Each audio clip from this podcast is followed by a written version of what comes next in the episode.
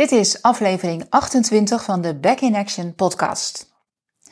Vandaag de negende uit een reeks van 10 over de yama's en niyama's met als thema Svadhyaya, ofwel persoonlijke ontwikkeling.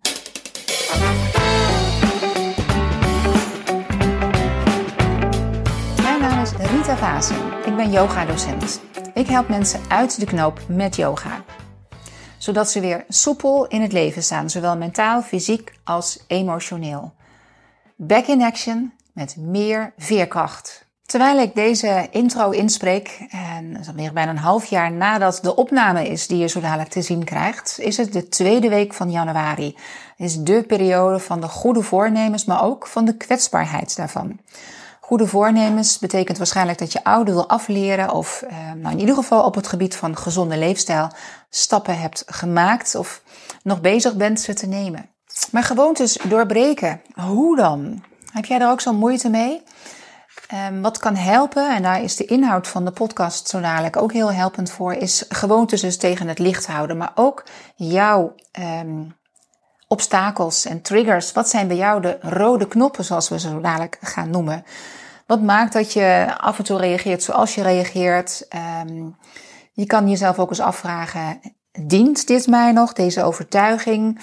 Kan ik het loslaten? En, um, ja, op welke manier kan jij observeerder worden van je eigen gedrag, van je eigen patronen? Wanneer hou jij je in? Wanneer verzet je je? Wanneer doe je veel te veel? En wat is voor jou de rode knop, de trigger om te reageren zoals je reageert? En wanneer geef je te veel? Wanneer geef je op? Of geef je toe? Wanneer ga je iets uit de weg? Nou, dat zijn dan zoal de dingen waar we zo dadelijk in de podcast over gaan hebben. Geobserveerder worden dus van je eigen gedrag en daar met afstand naar kunnen kijken kan heel helpend zijn. Voor nu is dit even genoeg ter introductie van de podcast. Ik wens je veel plezier bij het kijken of luisteren en ik spreek je daarna.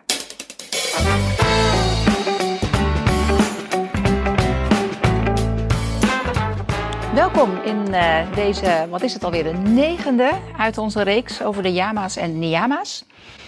Uh, vandaag gaat het over Svadhyaya.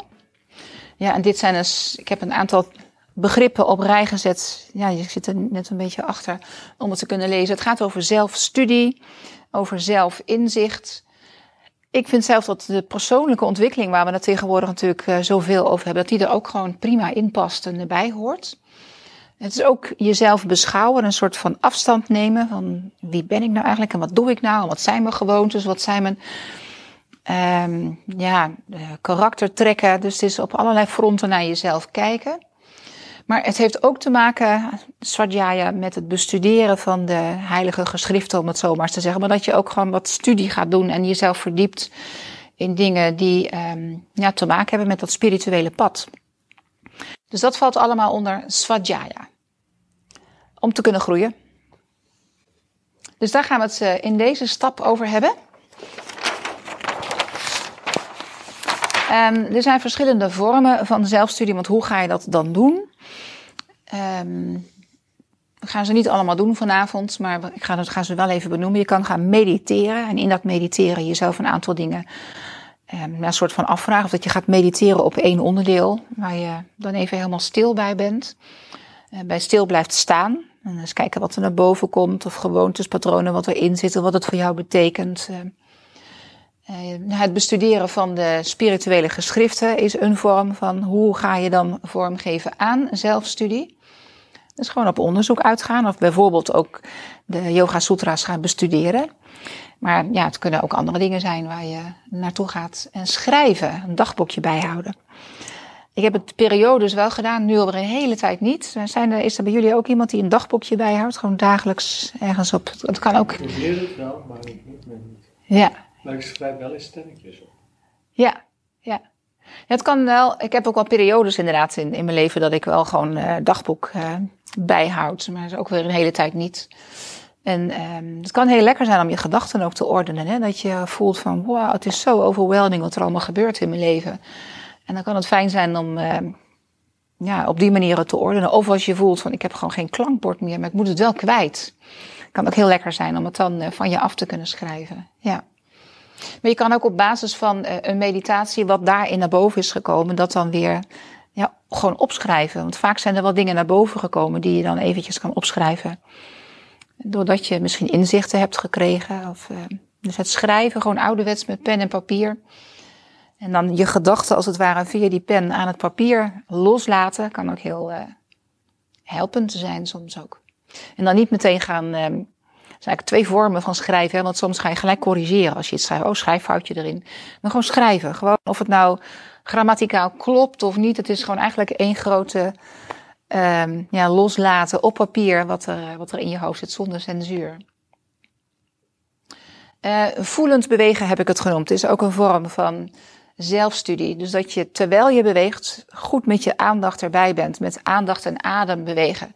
Met andere woorden, yoga beoefenen. Maar ik denk dat vormen van zelfstudie niet per se alleen maar kan als je yoga doet. Het zou ook een andere vorm van bewegen kunnen zijn, waarbij je in ieder geval die aandacht bij jezelf kan houden. Dus als je nou ja, meditatief wandelen, meditatief hardlopen. Uh, ik weet niet welke andere vormen we nog kunnen verzinnen. Gewoon en fietsen.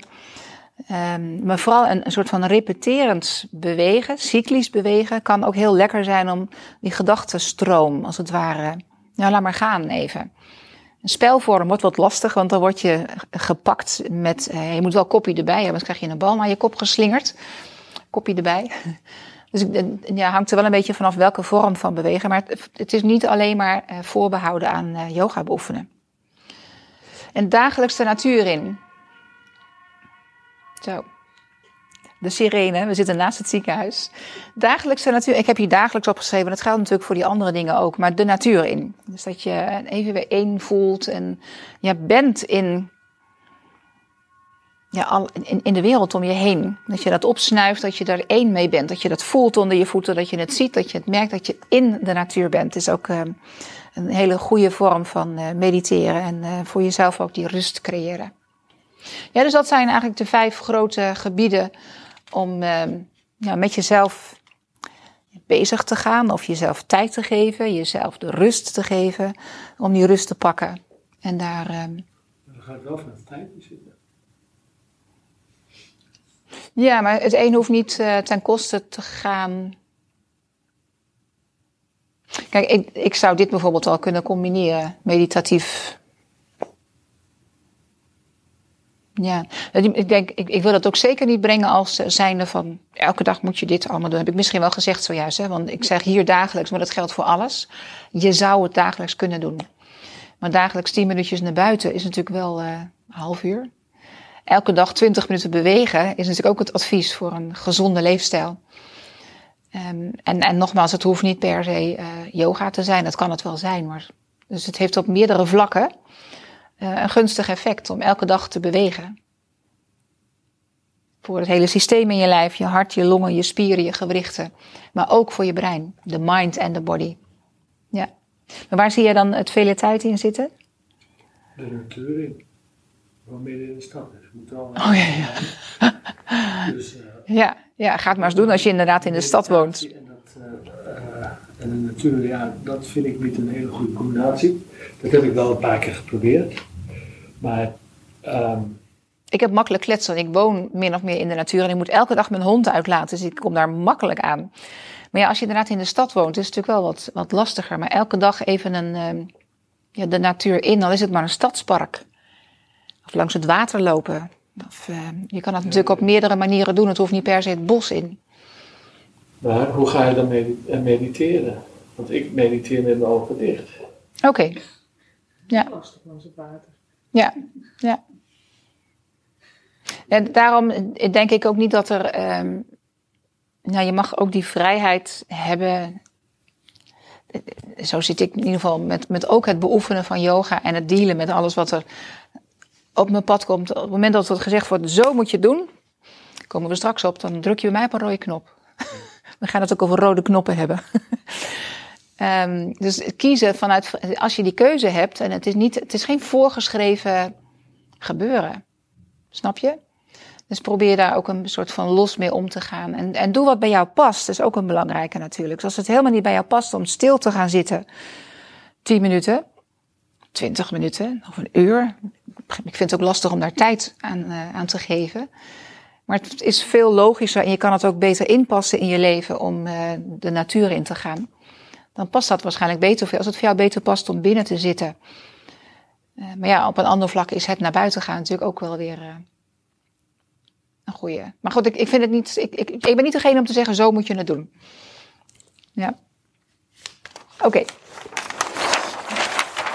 Dan zijn er een aantal kopjes die um, bij, dat, bij de zelfstudie. Um, dus dat waren even de methodes die we net hebben gehad. Van hoe kan je dat dan gaan doen?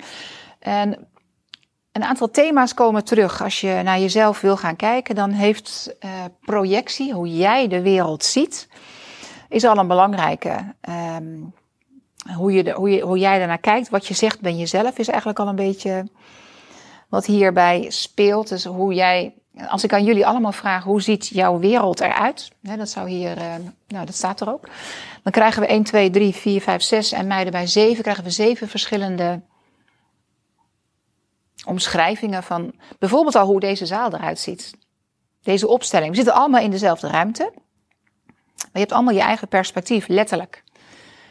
Je neemt allemaal een stukje van jezelf mee. Je zit er met een ander uh, achtergrondje, met wat je al gedaan hebt zojuist. Je zit hier met een andere verwachting, met een andere, wellicht ook belangstelling, met een ander.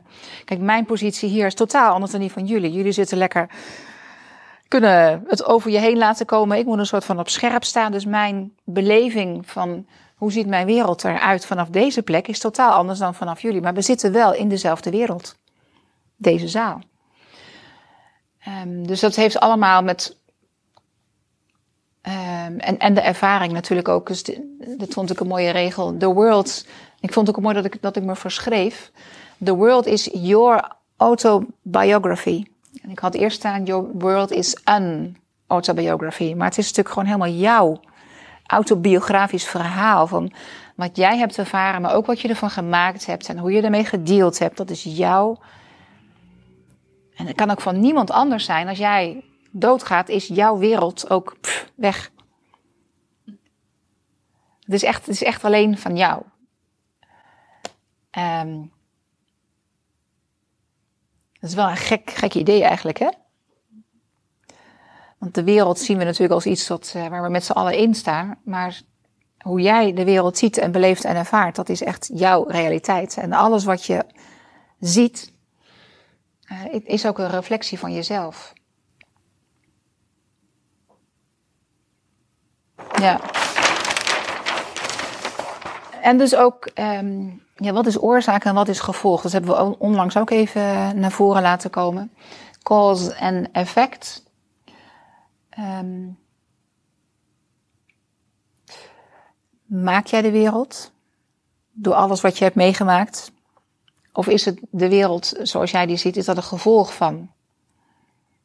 In, in, welke mate heb jij nog uh, grip op jouw realiteit als het ware?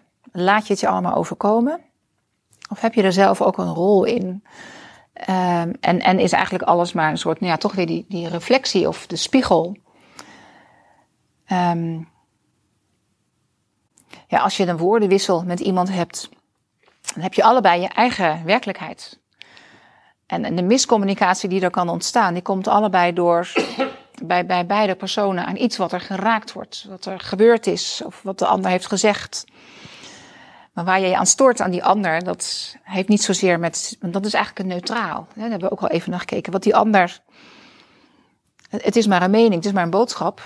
Maar goed, jij vertaalt dat. Men komt met al jouw achtergronden, met wat er allemaal al gebeurd is en hoe je ooit behandeld bent en met welke herinneringen jij in dat gesprek staat. Um, ja, dan, komen de samskara's weer. Een samskara, dat was, als je dat ei even weer terughaalt, weet je nog. Dus je had de vritties en de samskara's en wat dan uh, daar weer naar boven komt. Dus de, de vritties waren die gedachtenspinsels en de samskara's, dat waren de onder, onbewuste. Soms zitten ze ook net een beetje daartegen aan. Dus de bewuste en onbewuste overtuigingen die vormen dat hamsterwiel. En dan ga je maar in door en in door. Als een wiel wat vastzit in de modder. En hoe beter je probeert eruit te komen, hoe dieper je erin komt. Hoe dieper je in je shit komt. en um, zo vorm je je onbewuste blueprint. Dat is jouw karakter. Dat is jouw manier waarop je dealt met dingen, jouw gewoonte. En wat Svadhyaya ons laat zien, of wat, wat je daar eigenlijk in beoefent, is om eruit te stappen, de observeerder te worden. Bijvoorbeeld ook van, wat gebeurt hier nou eigenlijk? Wat doe ik hier nou eigenlijk? Of je stapt als het ware uit die situatie. Je ziet het jezelf doen. En dat is wat Svadhyaya, dus die zelfstudie, ons helpt te doen. Om er af en toe even uit te stappen en om te observeren wat er gebeurt. In plaats van erin te zitten. Zodat je jezelf kan bestuderen. Je patronen, je houding, je neiging. Wat je nu net allemaal zegt, dat heb ik vanmiddag allemaal meegemaakt. Dat is echt heel apart. Ja? Ja. Confrontatie met iemand die je werd op een rode knop gedrukt, want dan ga ik zo, ja. ja. Zo recht tegenover elkaar. Ze snapt mij niet. Ja. Ik snap haar niet. Ja. Ik probeer, ja, als een rode lap op een stier. En inderdaad, ik, aan het einde dacht ik, die is de wijste. Dan moet ik nog maar zijn. Ja. Nu je dat zo zegt, denk ik, ja, ik, heb het toch, ik, ik ben de wijste. Je bent er even uitgestapt. Je kon even uit die discussie, uit de... Oh, oh, nou ja, ik heb iets, ja. Ik denk anders dan blijf ja. ja. Want uiteindelijk wil je allemaal je gelijk halen of zo. Of in ieder geval uh, um, eindigen met het gevoel, ik ben begrepen. Er is naar me geluisterd en... Maar dat gebeurde dus niet. En ik denk, dit, ik krijg dat nooit voor elkaar. Nee. Dus ik denk, oké. Okay, ja. Trek, ja.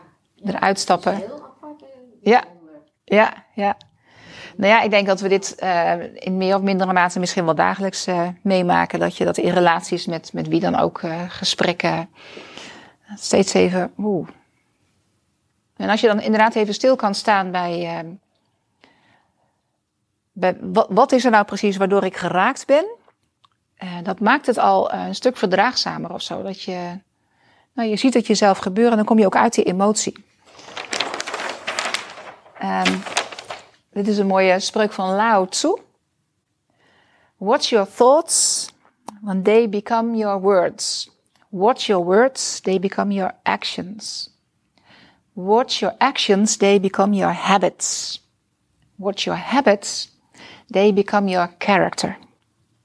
Watch your character, it becomes your destiny. Het is de weg van je gedachten. Wat je zegt bij jezelf. Eigenlijk wat hier. Uh, het is wel een bekende, misschien heb je hem al eerder gehoord, maar dat valt dus helemaal hier, uh, hier wel onder. Dat, soms zijn die gedachtenspinsels die worden, ja, die manifesteren zich als, als zijnde jouw wereld en jouw werkelijkheid. En uh, gaan er emoties aan gekoppeld. En, het zijn ook drijfveren, maar dat worden je acties. Uiteindelijk je gewoontes, je patronen. Dan zit je dan in een gesprek. Ja gaat helemaal niet meer over uh, het, het, het, ding, het, het object. Daar zit dan ineens een betekenis aan. Dus de ego die ons dan in de weg kan zitten. Dus als we het bijvoorbeeld hebben over een, een hond die je hoort blaffen. Nou, daar heb ik hem al, zit ik al veel verder. Er is een hond die blaft. Dus een blaffende hond, geluid van een hond. Een blaf.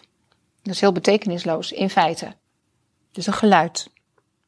De betekenis die geven we er zelf aan. Dus de, zintuigen die nemen dat neutrale informatie op. En dan kom je in een volgende laag.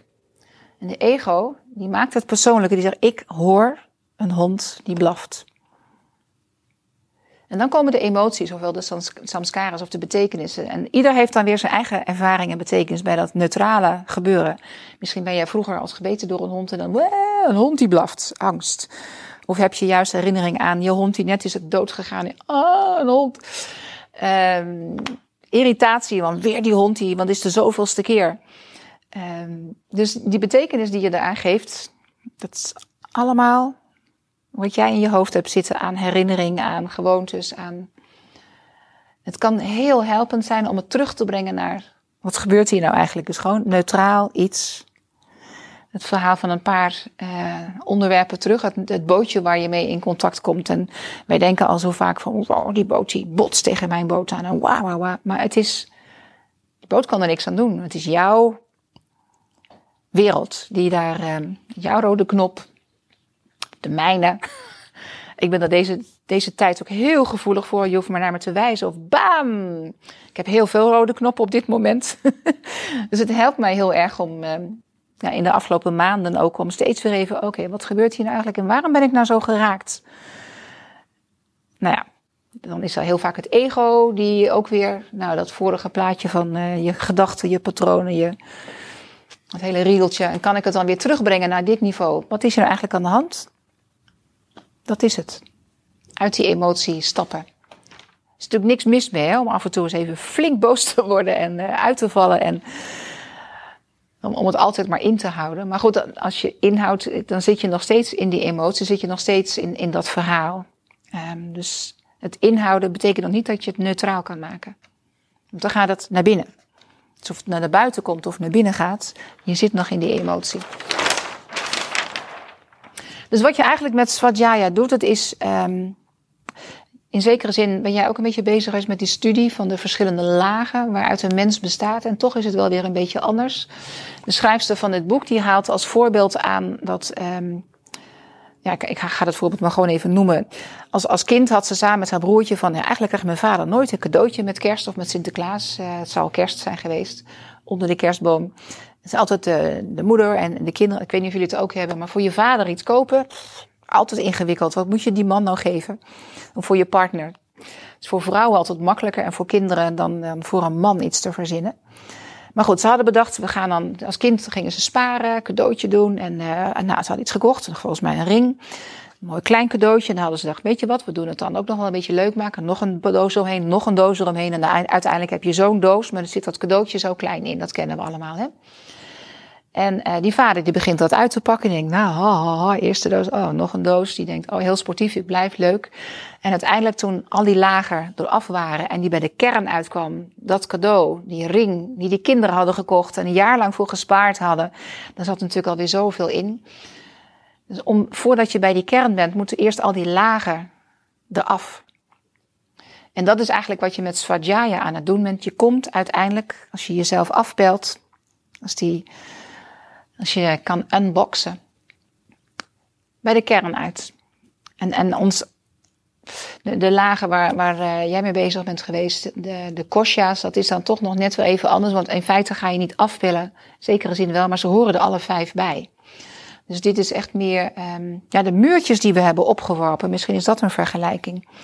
Dat je langzaam maar zeker uh, ontdooi maar een beetje of zo. En voor jezelf ook nou, blijf daar niet achterweg schuilen, maar uh, laat jezelf zien of um, kijk er voorbij. Dus dat we daar doorheen komen. Dan hier de rode knop, ofwel de triggers. Wat zijn voor jullie rode knoppen? Waardoor mensen iets raken, waardoor je voelt, ja, maar nu, nu kom je toch wel even. Als iemand je onderbreekt. Uh... Als je iets aan het stellen bent en ontbreekt. Ja. Ja. Dus er niet naar je geluisterd wordt. Ja. Ja. Of als je iets hebt uh, gemaakt en er is niet genoeg aandacht voor of waardering voor. Of... Ook al weet je natuurlijk best dat dat uh, niet per se gezegd hoeft te worden, maar toch, als dat maar ja, als moeder zijn heb je natuurlijk ook alles wat je in huis doet. En iedereen neemt dat maar voor zoete koek aan. En vindt het heel gewoon dat het eten op tafel staat, de was gedaan is en de boodschappen in huis. Het is er gewoon de volgende dag weer allemaal. Ja, dus eigenlijk, willen we allemaal wel waardering. Ja. Uh, maar dat is misschien voor de man, ik weet niet waar daar de. Um, ja, dat alle klussen maar weer gedaan zijn. Uh, even de traditionele rollenpatroon, om dat maar eens aan te houden. Ja. Um, ja, in je werk, als het gaat om functioneringsgesprekken of um, een collega die krijgt die functie wel en jij niet. En weer word ik niet gezien en weer word ik overgeslagen. Uh, wat zijn er nog meer voor gesprek zit en er worden alleen maar gesprekstechnieken gebruikt. niet, niet echt gepraat wordt. Ja, dan voel je ook niet gehoord. Denk Ja, en dan zie je dat een spelletje gespeeld wordt. Het trucendoos. Ja. Ja. Wat ik de laatste werken uh, um, keer heb meegemaakt, is dat ik een technische opleiding heb, hè, vroeger is genoten. En um, nu kom ik met een, nu kom ik met een huizenbezitter, nu doe ik iets voor een huizenbezitter. En uh, ik heb daar een bepaalde mening over. En die huizenbezitter die zegt, nee, doe het, doe het maar zo, doe het maar zo. Ja, jouw mening wordt terzijde geschoven. Terzijde geschoven. En toen dacht ik, nou, er zit toch een heel cultuurverschil in tussen um, bijvoorbeeld een onderwijzer en, want dat was hij toevallig, en iemand die een technische opleiding heeft, uh, heeft, heeft, gehad. Het is gewoon een, een, een, cultuurverschil. Ik had het, als ik het zelf mocht beslissen had, ik het nooit zo gedaan. Maar het heeft dus hier, wat ik ook een beetje hoor, maar ik weet niet of het klopt, is ook de identificatie met uh, de kennis en uh, dus daar, nou misschien als we weer terugkijken naar. Jij geeft aan, het gaat om technisch iets, neutrale informatie. Er moet iets opgelost worden of zo, weet ik veel. Maar er is iets technisch. Kan je op twee manieren naar kijken. Maar dat technische ding is dan dat neutrale gebeuren. Ja. En dan krijg je. Verschillend over, over, over. Verschillende visies, verschillende standpunten. Ja. ja. En het werd terzijde gelegd en dan kom je op dit punt. Nou, nee, dat, dat heb ik nu wel geleerd om dat, om dat niet, om dat okay. niet te doen. Ja. Het, is, het, is, uh, het is een huis, dus het is, uh, het is goed zo. Ik heb, me, ik heb mijn eigen recht en, uh, en het, is, het is dan goed zo. Ja, ja. Maar het is dus inderdaad op ja, allerlei gebieden komt dat, te, komt dat terug. Maar heel snel ook die identificatie. En dus ook onze, nou ja, wat, wat we allemaal meenemen aan onze gewoontes en onze pijntjes en onze, ja, niet verwerkte dingen of juist uh, steeds maar weer. Ja, dat is ook wel een mooie. Um, als je daar bewust van bent en je bent dan een beetje aan het helen geslagen, zeg maar, met uh, de pijn die ooit gecreëerd is, waar dan ook maar door. Als je kan um, handelen vanuit het litteken wat het inmiddels is geworden, in plaats van nog in diverse rauwe pijn, dan reageer je ook alweer anders. Act from the wound or act from the scar. Als je van, van, het, van, van de wond die nog rauw is en, en vers is, dan ga je vast al heel anders reageren dan wanneer je, ja, als het een, een litteken, het hoeft niet weg te zijn, het hoeft niet, je hoeft niet, um, ja, wat er gebeurd is in je leven, hoef je niet ja, weg te cijferen of dat, dat het helemaal over en voorbij is. Maar op het moment dat je daar weer je lessen uit geleerd hebt. En dat is wat het ons ook helpt doen. Oké, de, de narigheid die nu op je pad is gekomen. Um, kan je daar nou ja, ook weer mee dealen met. Um, kan, kan je daar lessen uithalen? Komt niet voor niks op je pad. Kan je daar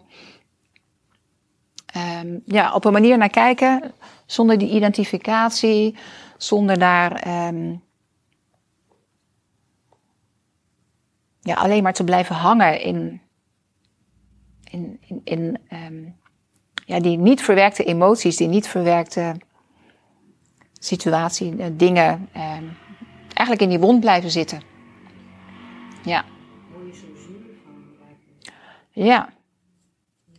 Ja, ja. Maar ja, het, het, het, het blijft natuurlijk een lastige. Maar het heeft dus ook wel, even kijken of we die nog, ja, die komt hier nog.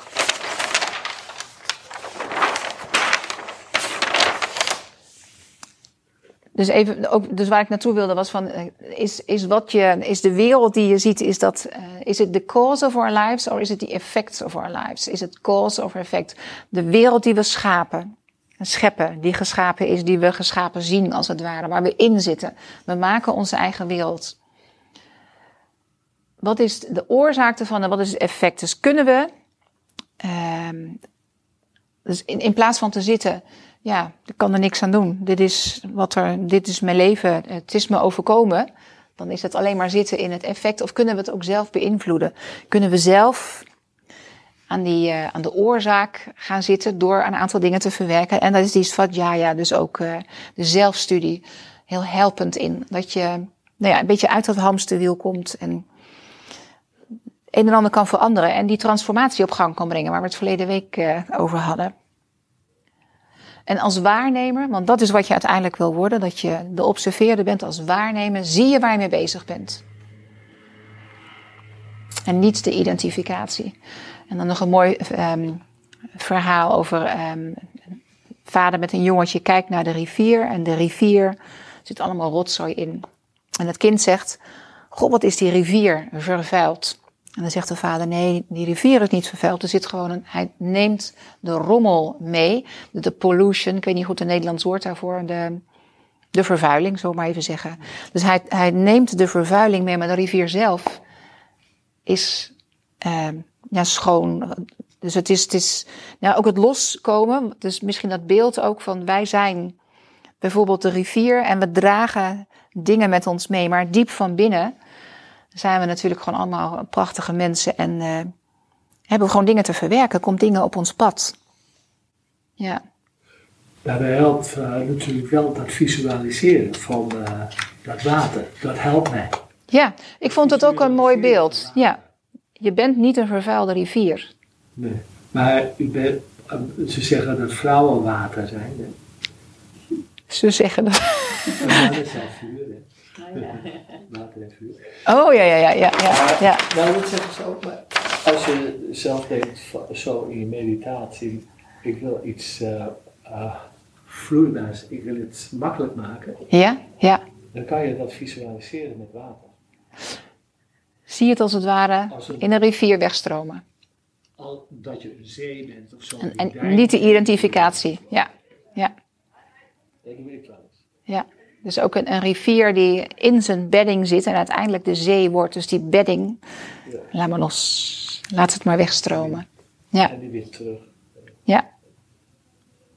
Nou ja, vragen waar je mee bezig kan zijn in een meditatie, of die je kan gebruiken om, om te gaan schrijven, um, is wanneer hou jij je in? Wat voor gewoontes heb je? Dus wat zijn bijvoorbeeld je rode knoppen als het, wat, wat gebeurt er bij jou als je je inhoudt? Wat, is er, ja, dus wanneer hou je in? Dus even stilstaan bij, hey, ik merk dat ik me nu inhoud. Wat is hier aan de hand? Ben ik bang voor wat er gaat gebeuren, voor de reactie van de ander? En wat, wat zegt dat dan weer over die situatie? Of wanneer verzet jij je? Dus ze moeten niet aan mijn vrijheid komen. dat is echt een rode knop voor mij. Wanneer doe je te veel je best? Wat is jouw rode knop? En wanneer geef je op? Of wanneer ga je iets uit de weg? Het zijn gewoon een paar voorbeeldvragen. Ik heb ze niet zelf, ze zijn vertaald, komen weer uit, uit een ander boek. Maar dit, dit vond ik wel mooie nou ja, thema's waar je dan mee kan nadenken. Waar dus weer die patronen van ons uh, in zitten. En gewoontes en neigingen en pijntjes. En, uh, ja. Max Strom is een uh, Amerikaanse yoga-docent, wel heel veel in Nederland ook actief.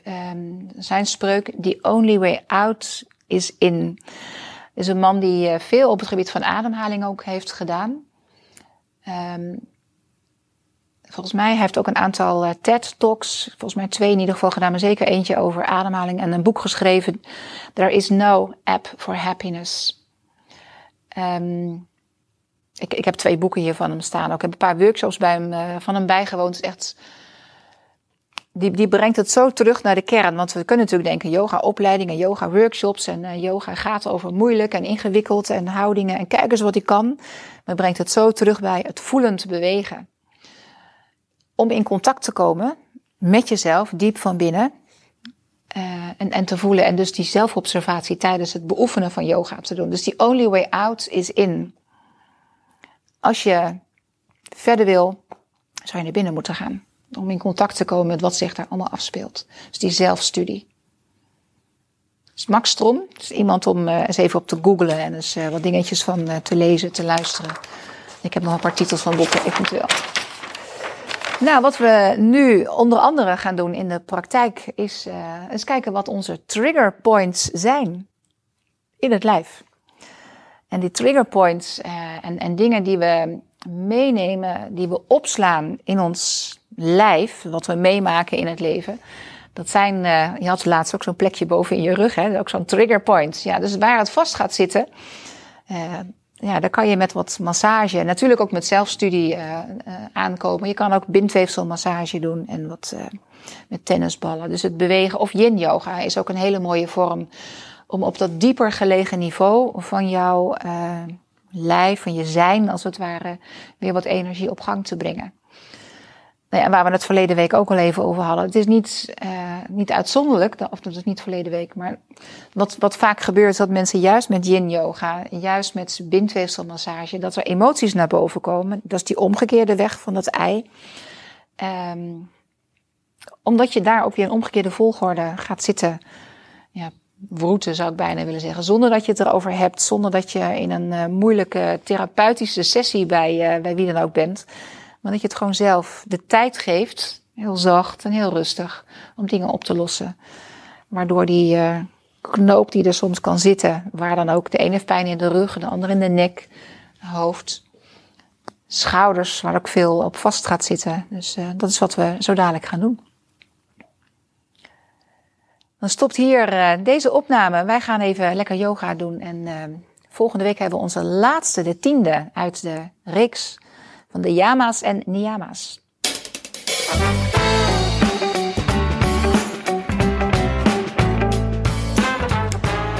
Watch your thoughts, they become your words. Watch your words, they become your actions. Watch your actions, they become your habits. Watch your habits, they become your character. Watch your character, it becomes your destiny. Nou, langs die hele weg kunnen we ook weer teruggaan en stap voor stap onszelf um, bij de les halen. En ik wens je daar heel veel sterkte en succes mee, want het gaat ongetwijfeld heel erg helpen om dingen minder beladen te maken, minder um, emotioneel en uh, het gaat je minder gedoe opleveren in het leven. Ik wil ook even van deze gelegenheid gebruik maken om um, mijn e-book, wat ik recent heb afgemaakt, ontwikkeld en nu de lucht in is gegaan, als het ware, te promoten. Een e-book met mijn zeven pijlers voor een gezonde mind-body connectie. De afgelopen twee jaar waarin we in de coronacrisis zitten, ik, ik hoop dat ik binnenkort kan zeggen hebben gezeten, uh, heeft me dat erg doen nadenken over wat gebeurt hier nou eigenlijk allemaal. En met name deze tiendelige reeks, de Yama's en Niyamas, hebben mij enorm geholpen om me er doorheen te slaan, om me steeds maar weer te verhouden tot welke maatregel er nu weer is en wat er nou weer op mijn pad komt.